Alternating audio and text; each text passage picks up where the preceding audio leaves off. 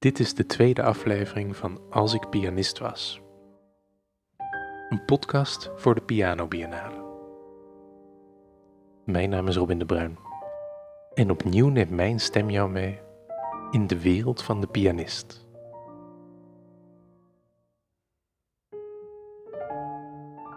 Deze podcastreeks begon met een dagdroom. Mijn dagdroom. Maar misschien wel jouw dagdroom. Of die van iemand om je heen. We zien pianisten op het podium. We zien ze op YouTube. We zien ze in de stations. Op feestjes. En ik weet zeker dat ik niet de enige ben die dan denkt: Goh, was ik hem maar die daar zat.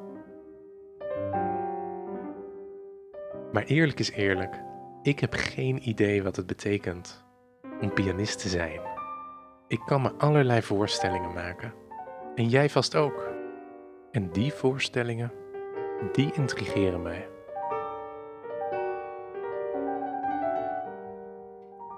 Daarom interview ik vier pianisten. Vier hele verschillende pianisten.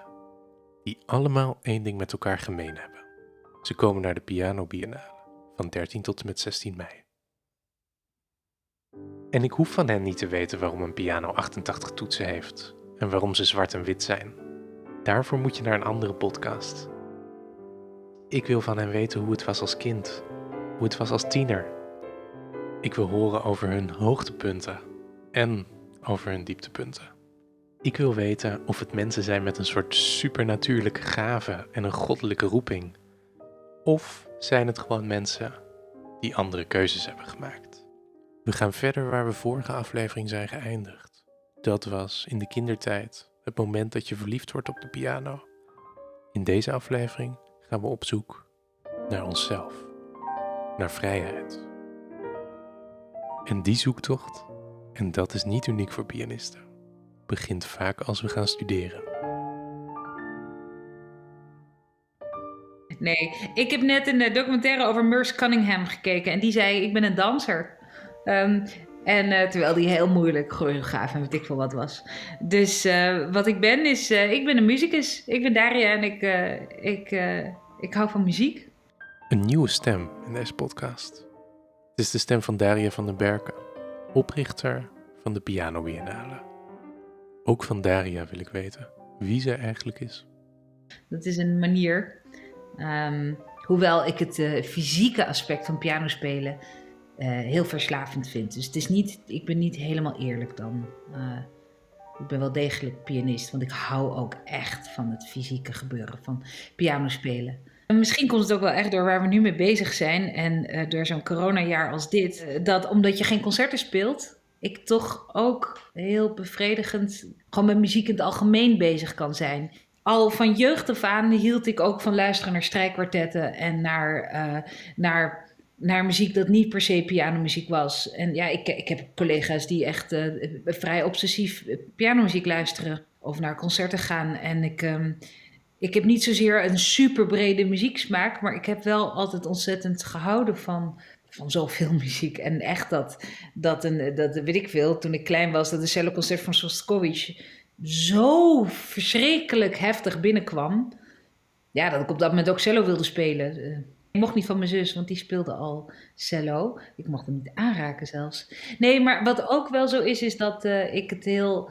Uh, ik denk, stel dat je nou alleen je ziel over hebt, dan hou ik nog steeds van muziek. Dan is het niet zo dat omdat ik niet meer kan piano spelen, ik niet meer van muziek hou. Misschien dat ik teleurgesteld raak in het leven en dan weet ik veel, een gek spiertje ontwikkeld die verbitterd raakt. Maar dat, dan nog ben je nog steeds muzikus. Want dat is, dat is, die liefde is waarom je kiest de muziek in te gaan. En dan wordt het inderdaad het instrument ook belangrijk. Maar, maar je blijft, uh, het, het, het is als, als, als brood, weet je wel. Je moet het elke dag innemen. Zo voelt het.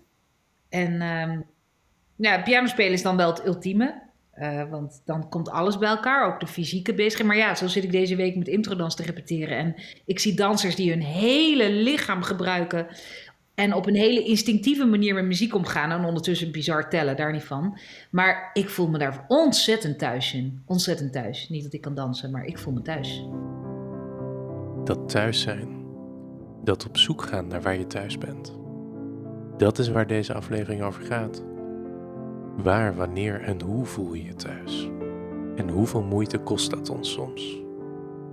Ja, nou, het echte moment dat ik onzeker werd was toen ik 22 was. Tot die tijd zat ik op een, nou, ik zou het bijna ramkoers kunnen noemen. Het was echt helemaal niet zo'n zo'n rustig pad. Want ik moest best wel vechten voor wat ik wilde.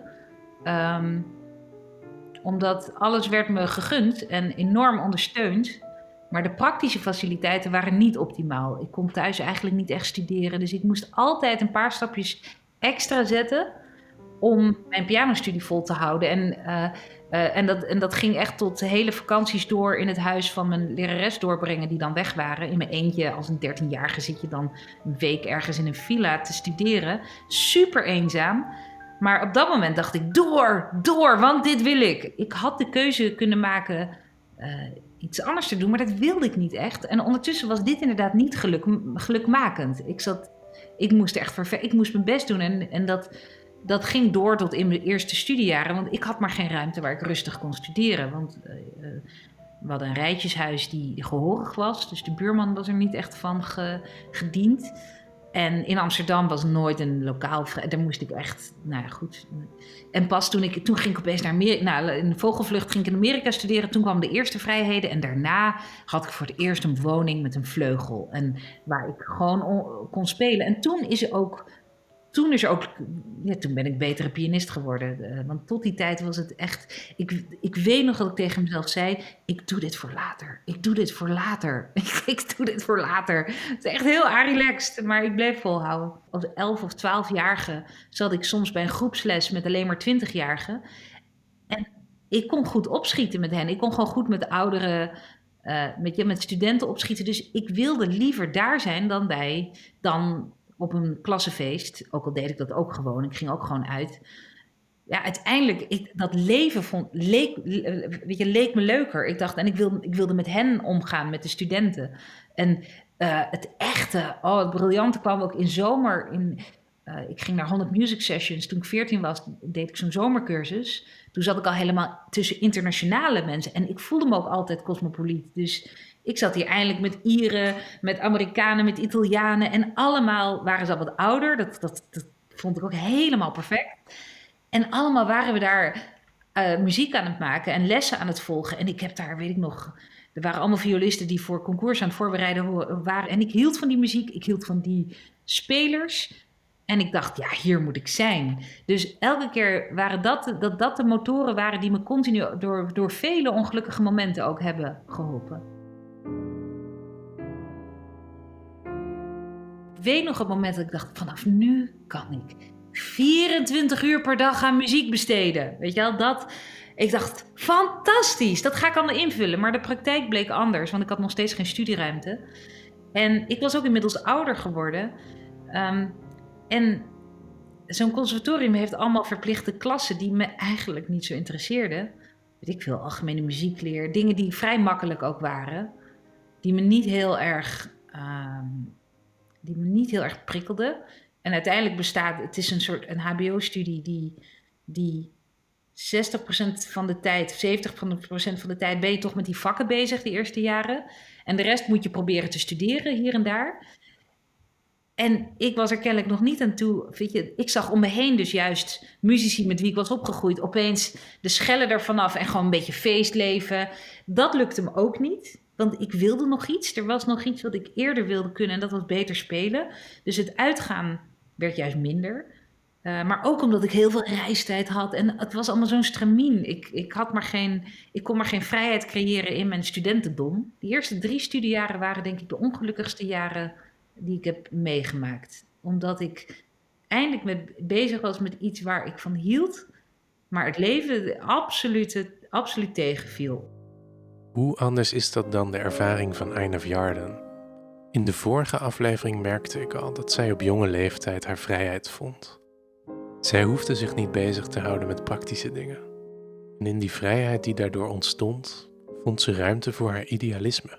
My gasoline, uh, to, to, so to say, was was this kind of idealist approach, um, and it was very, I think it was very authentic. It was really you know, it, wasn't like something I learned or I tried to imitate or something like that. It just really came from within. I'm sure from from influences, you know, certain influences. But um, it was um, idealist. But um, and I think this idealism also led me to, you know, I thought that anything that was uh, virtuosity for virtuosity's sake, right, was just just sucked, you know. and you know, I mean, really, like I could have, I could give you lectures on that back then you know why it sucks why it's a waste of time why it's like you know everything. So you know this was also a bit part of my my the certain kind of uh, youthful idealism back then. You know i wasn't thinking practically really. Um, I wasn't thinking about practical aspects, and and and you know, and maybe it's also the environment. I think today the environment forces you to think about practical aspects. The environment, I mean, even even in the study uh, in the schools, um, but back then, there was just it was just not, you know, not at all. Um, I mean, I'm sure in some people's radar it certainly was. You know, I didn't get it, not really from my uh, teachers. Um, who were also real, you know, really focused on the musical, the pure, the purity of the music, and not from home, you know. So from home, there was just never like, oh, what's your career? Oh, what, how you? There was just not, uh, completely not, you know, and and a lot of beauty in that. But of course, certainly also in a way not very practical oriented in, in certain senses. Niemand die twijfelde aan INF. Geen praktische rompslomp en alle vrijheid. Dat is toch de droom van iedere student? Had iedereen dan zo'n blind vertrouwen in haar toekomst als pianist? I don't know if they were maybe they were worried, but they didn't. Uh, it's I don't think it's because there was any uh, clarity that I would be one thing or the other. But when at least in those years, you know, when I was in the Tel Aviv University, um, you know, it was just clear that that's what I had chosen to study, and that was respected and supported and that's it. And then it was about me committing myself to you know doing the best i can in, in those studies. And the same thing uh, onwards when i chose to go abroad and study with leon fleischer and you know make a very big move you know from tel aviv to where he was teaching um, which was um, in, in baltimore in the usa and you know and that was just supported and um, actually never questioned I don't know. You can call it naive. You can call it. Um, there were years after that. Not not today, but you know, there were years where I kind of felt like, wow. I mean, really, nobody gave me any kind of uh, this kind of a little bit practicalities of life. Uh, you know, okay, how are you actually going to? You know, you, you need to live right? And and life is not just about making music and being a, you know an artist, and uh, it's it's also about uh, making a living, you know. So that, that you know, in, in a way, I was like, wow, this is uh, this is a little crazy. I mean. Okay. dus die vrijheid, die houdt een keer op. En die gaat misschien niet altijd hand in hand samen met de werkelijkheid. Een les die we allemaal leren als we volwassen worden. Ook voor Julien Brocal is vrijheid heel belangrijk, misschien wel het belangrijkste. Maar hij vond het niet vanzelf. Well, I think at that time I I was lucky to to be in touch with my my mentor Eric Perchot in Marseille in the conservatory. He was my guide for a few years, for seven years, which is a lot. And actually, the passion was not only for Chopin, but also when I was seeing him traveling the world to to share the music. He was telling me, "Well, tomorrow I leave to Japan, and uh, and then I will be back for the lesson next week." And da, da, da, I I was seeing his life, his musical life, as a journey, and that made me dream. You know, kind of I was full of a still I'm full of admiration for for for this mentor that was not only teaching but also doing it. He was sitting at the piano and showing me the music that I was learning and I think the transmission went in a in a in a deeper way from that time when I was 16 until I moved to Paris and started to work with another teacher because after seven years, you know exactly what your teacher is going to say before he opens his mouth. Like you, okay, I know exactly. Don't say it. Don't say it. so I needed to change. We needed to change from ourselves because we were too comfortable with ourselves. I had a Russian teacher then when I was, I think, 21 in Paris. And it was like starting from zero again because the Russian method is it's, it's tough, you know, it's really tough. They can't take you from where you are. They have to start you from the very beginning and start recomposing the bones from zero. She was telling me, Julian, you have the wings. You have the wings of the bird, and I don't want to cut them. But we have to do something with the body. We have to do something with with the rest. And you have to learn the tools of interpretation. You have to learn all all these tools that need not only intuition but knowledge. It was a, difficult time um, to adjust with learning these new tools because there was something very very hard for me to play the same thing twice the same way. Because if you want to win a competition you don't have only to play as who you are but what is expected from you which is I think can be devastating. For me, it was devastating to to have this aspect in my mind, like, oh my God, I need to play for someone that is waiting for something from me, and I have to cope with it, which was the hardest point. And where is the freedom in that? Where is the artistry? Where is the message? Where what am I sharing? And I think it's where I started also to lose faith in the future of myself with the music. I, I really kind of felt this is not what I want to achieve with my life. Verwachtingen die door de realiteit veranderen in teleurstellingen. Ook Daria omschreef haar eerste studiejaren op die manier. Maar langzaam maar zeker vond zij haar eigen weg naar haar toekomst zoals ze die voor zich zag kennelijk als persoon was ik nog niet helemaal gegroeid. Ik bedoel, eh, Cilia Bernardini, een collega, heeft ooit zei, hoorde ik haar zeggen tegen iemand anders. En dat heeft me heel erg geraakt. Ze zei zo, ja, muzikale groei is persoonlijke groei. En ik dacht, god, wat heb jij gelijk, inderdaad. Weet je wel, van het is, het is ehm, en ik zat die persoonlijke groei volledig in de weg. En ik was, omdat het, het liep, ik, ergens, liep niet lekker. Um, en ondertussen wilde ik nog iets presteren en, en doen en steeds moeilijkere stukken spelen. En, um, dus ja, ik, en, en er was net toevallig. Uh, ik ben best wel een sociaal persoon, maar in die, weet je, de introductieweek was net afgeschaft. En als pianist zit je maar in één kamertje. Je zit geen eens in een orkestproject. Dus ik begon volledig asociaal aan, dat, aan de studie. Nou maak ik snel vrienden, maar het was, het was niet. Het was niet. Um, gelukmakend. En ik wilde ook Amsterdam, kon ik niet echt genieten, want ik vond het. Ik had eigenlijk. Wat goed voor mij was geweest om op een campus te zitten en gewoon een. Weet je wel, veilig. Wat ik later in Amerika deed. Dus ik, ik stoof naar Indiana University. En ook al was ik aangenomen in Juilliard. Maar New York wilde ik ook naartoe. Maar ik besefte dat ik het eerst nodig had om rustig. Op loopafstand van je vleugel. Met mensen om je heen. En toen ging trouwens ook feest. Hè? Maar goed, dat kwam opeens allemaal in samen met alles wat ik wilde bereiken. Faciliteiten gaven me ademruimte. En ik weet nog, de Indiana University had, had een bibliotheek van heb ik met jou daar. En die had ook een opera, operahuis dat voor de hele staat Indiana, laat wel, dat is 20 keer Nederland of zo, weet je wel, uh, uh, belangrijk was. Dus dat was allemaal best wel eh, professioneel op die ene, op die ene campus.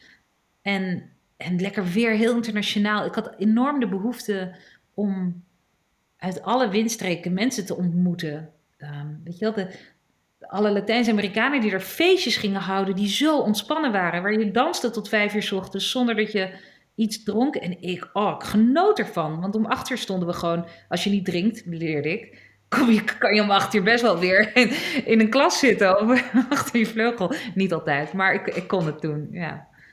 Um, het vliegen, het, het gevoel, um, omdat muziek is natuurlijk ook een universele taal. En ik had kennelijk het heel erg nodig dat ik het ook in mijn, in mijn uh, mens zijn uh, universeel was.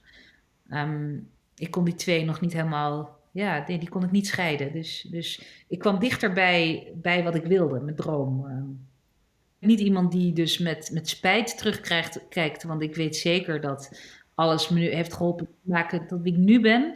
Maar ik kan me toch niet onttrekken aan het gevoel dat als de faciliteiten. Er zijn mensen met veel moeilijkere achtergronden. Weet je, ik had tenminste ontzettend steunende ouders. dus het is heel belangrijk dat die ondersteuning er was. En toch, weet je, misschien was een vrije school goed voor mij geweest. Of het systeem. Ik zat vast in een systeem waar ik, waar ik, uh, waar ik niet vrij in was, terwijl ik het wel wilde. Dus ja, achteraf gezien, tuurlijk, misschien was een ander pad goed voor mij geweest, uh, muzikaal gezien. Maar ja, nu ben ik wie ik nu ben. En um, ik heb uh, hier ook heel veel uitgehaald wat ik... Ik maak nu dus die fouten niet meer, laat ik het zo zeggen. En sommigen maken juist op latere leeftijd een fout die ze ervan dat ze nooit hebben meegemaakt wat ze niet willen. Mille Beslavski, bij wie ik dus heel gefrustreerd had uitroep van waarom doe ik dit? Want ik was wel aan het einde van mijn Latijn op mijn 22e van er klopt iets niet, iets moest veranderen. Dus ik riep, waarom doe ik niet? En toen zei ze rustig, nou omdat je van muziek houdt. En dat is het enige mogelijke antwoord.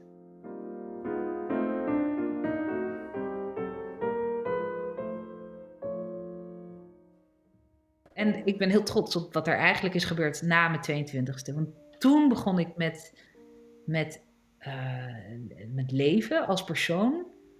En toen begon ik ook met. Um, en ik bedoel, dus, dus die druk is niet alleen toen verdwenen. Want de, um, ik heb het daarna ook omgezet. En dat is dan weer een paar jaar later gebeurd. Dat ik alle ervaringen toch heb kunnen gebruiken tot iets heel gaafs. Wat, wat, wat, wat gewoon, ja, uh, ik weet niet. Ik heb tussen mijn dertigste en 35ste is een soort bloei ontstaan, die denk ik, die, die precies het tegenovergestelde was van wat ik misschien 15 jaar ervoor deed of hoe ik in elkaar zat. Dus vroeg of laat vallen de dingen op zijn plek. Ook al moet je soms misschien het lot in eigen hand nemen. Precies met die gedachte waagde Einef de grote sprong in het diepe. It, uh, you know, after my four years at Peabody, um, I decided that I had been, I remember, uh, you know, I, I, could have chosen to move to another school in New York because I would decide to move to New York. Um, and I could have chosen to be in some program, some, you know, artist diploma or some kind of program just to make sure that I'm still a teacher and being in a, in a, in a, in a institution. And I remember uh, thinking that no, I have been in an institution for a long time actually, I really could have afforded, uh, in terms of my age, I could have afforded a couple more years in institution without any problem. But I thought that uh, I had been in institution, you know, for uh, many years of my life, and that I just finished four years with one of the greatest musicians in the world. So, you know, what? Why go to another institution? I better try to see if you know I learn something, and if I, you know, if life works. kind of, kind of silly, but uh, and that was a little bit, uh, you know, you know, that was very scary because I moved to New York essentially without, you know, it was not in any kind of uh, ramen. Again, I don't don't have the word in English. You know, it's kind of a, a, institution or some kind of a thing that keeps you. Um, you know oriented in a certain sense and um, you know and i had to start thinking well i have to earn money so that was a big a big change yeah first of all, it was, you know, it was a bit about being practical. Where am I going to live and where would I not live? So, you know, you don't choose to live on the Upper West Side by yourself without roommates if you, because then you pay literally five times more. So, you know, it, it was choosing uh, to live in very north part of Manhattan, having two roommates, making sure that my rent is low, as, as low as, you know, as, as without giving up certain other important things. Um, and then I was, I did a, a of, um, a chunk of teaching. So that was uh, my stable source of income. And then, of course, you know, here and there I also had concerts which were not paying much, but they were paying something to supplement that. Yeah, and then with the years, that, you know, was growing. Einef nam de gok en het pakte goed uit. En dat in New York. Of misschien juist dankzij New York. Net als Einef volgde Julien geen uitgestippeld pad Maar hij bleef zoekende in Parijs. Totdat één ontmoeting alles veranderde. Alweer. There was always something to work for. I mean, you have your um, certificate or your you know, the school you have to finish, and then you have this uh, audition you have to make, and then there is the program for the next concert you have to create, and then there is, so there is always something in the process to have a pan on the fire for some reason you have to prepare. But um, a bigger goal than that, no, no, because also from the background of my family, I didn't know where I was going. So every step I was making, I was always saying this this phrase um, that I, I have the feeling I'm in a deep fog, and every step that I make, I have to be very cautious of where I put my step, um, where I put my foot, and it was very foggy all all the way actually from the very beginning until I met Maria, and suddenly the fog I took a higher altitude to see that the, there is the sun above the fog. And it gave me this breath of, okay, suddenly the path I was on makes so much sense. But it took so much time to figure. You know, when I met Maria, I was 26. And from this 26 to here and now, I'm almost 34. It's another journey that started. And to figure that every step you made was part of a bigger plan. It was.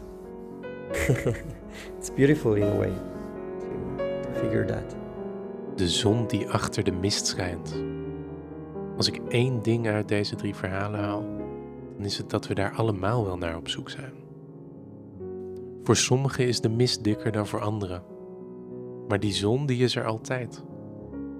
En daar moet je naar blijven zoeken. Wat me opviel als ik deze gesprekken vergelijk met de gesprekken uit de vorige aflevering, is dat ze in hun kindertijd op een bepaalde manier op elkaar leken, die pianisten. Ook al kwamen ze van hele verschillende achtergronden er zaten duidelijke parallellen in hun verhaal. Ik dacht, ik heb de universele pianist te pakken.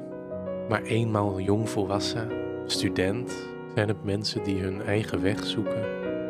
Op zoek zijn naar hun eigen definitie van zichzelf, naar vrijheid. Hun wegen blijven verbonden, maar scheiden zich tegelijkertijd van elkaar. En ik denk eerlijk gezegd dat dat voor ons allemaal geldt, pianist of geen pianist.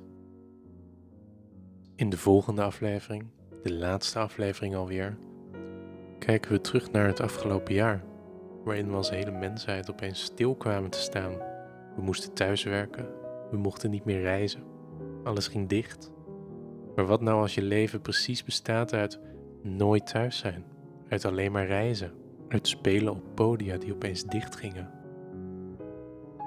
We hoorden deze aflevering de Schumann-opnames van Einof Jarden. En op het eind nog één keer Chopin van Julien Brocal.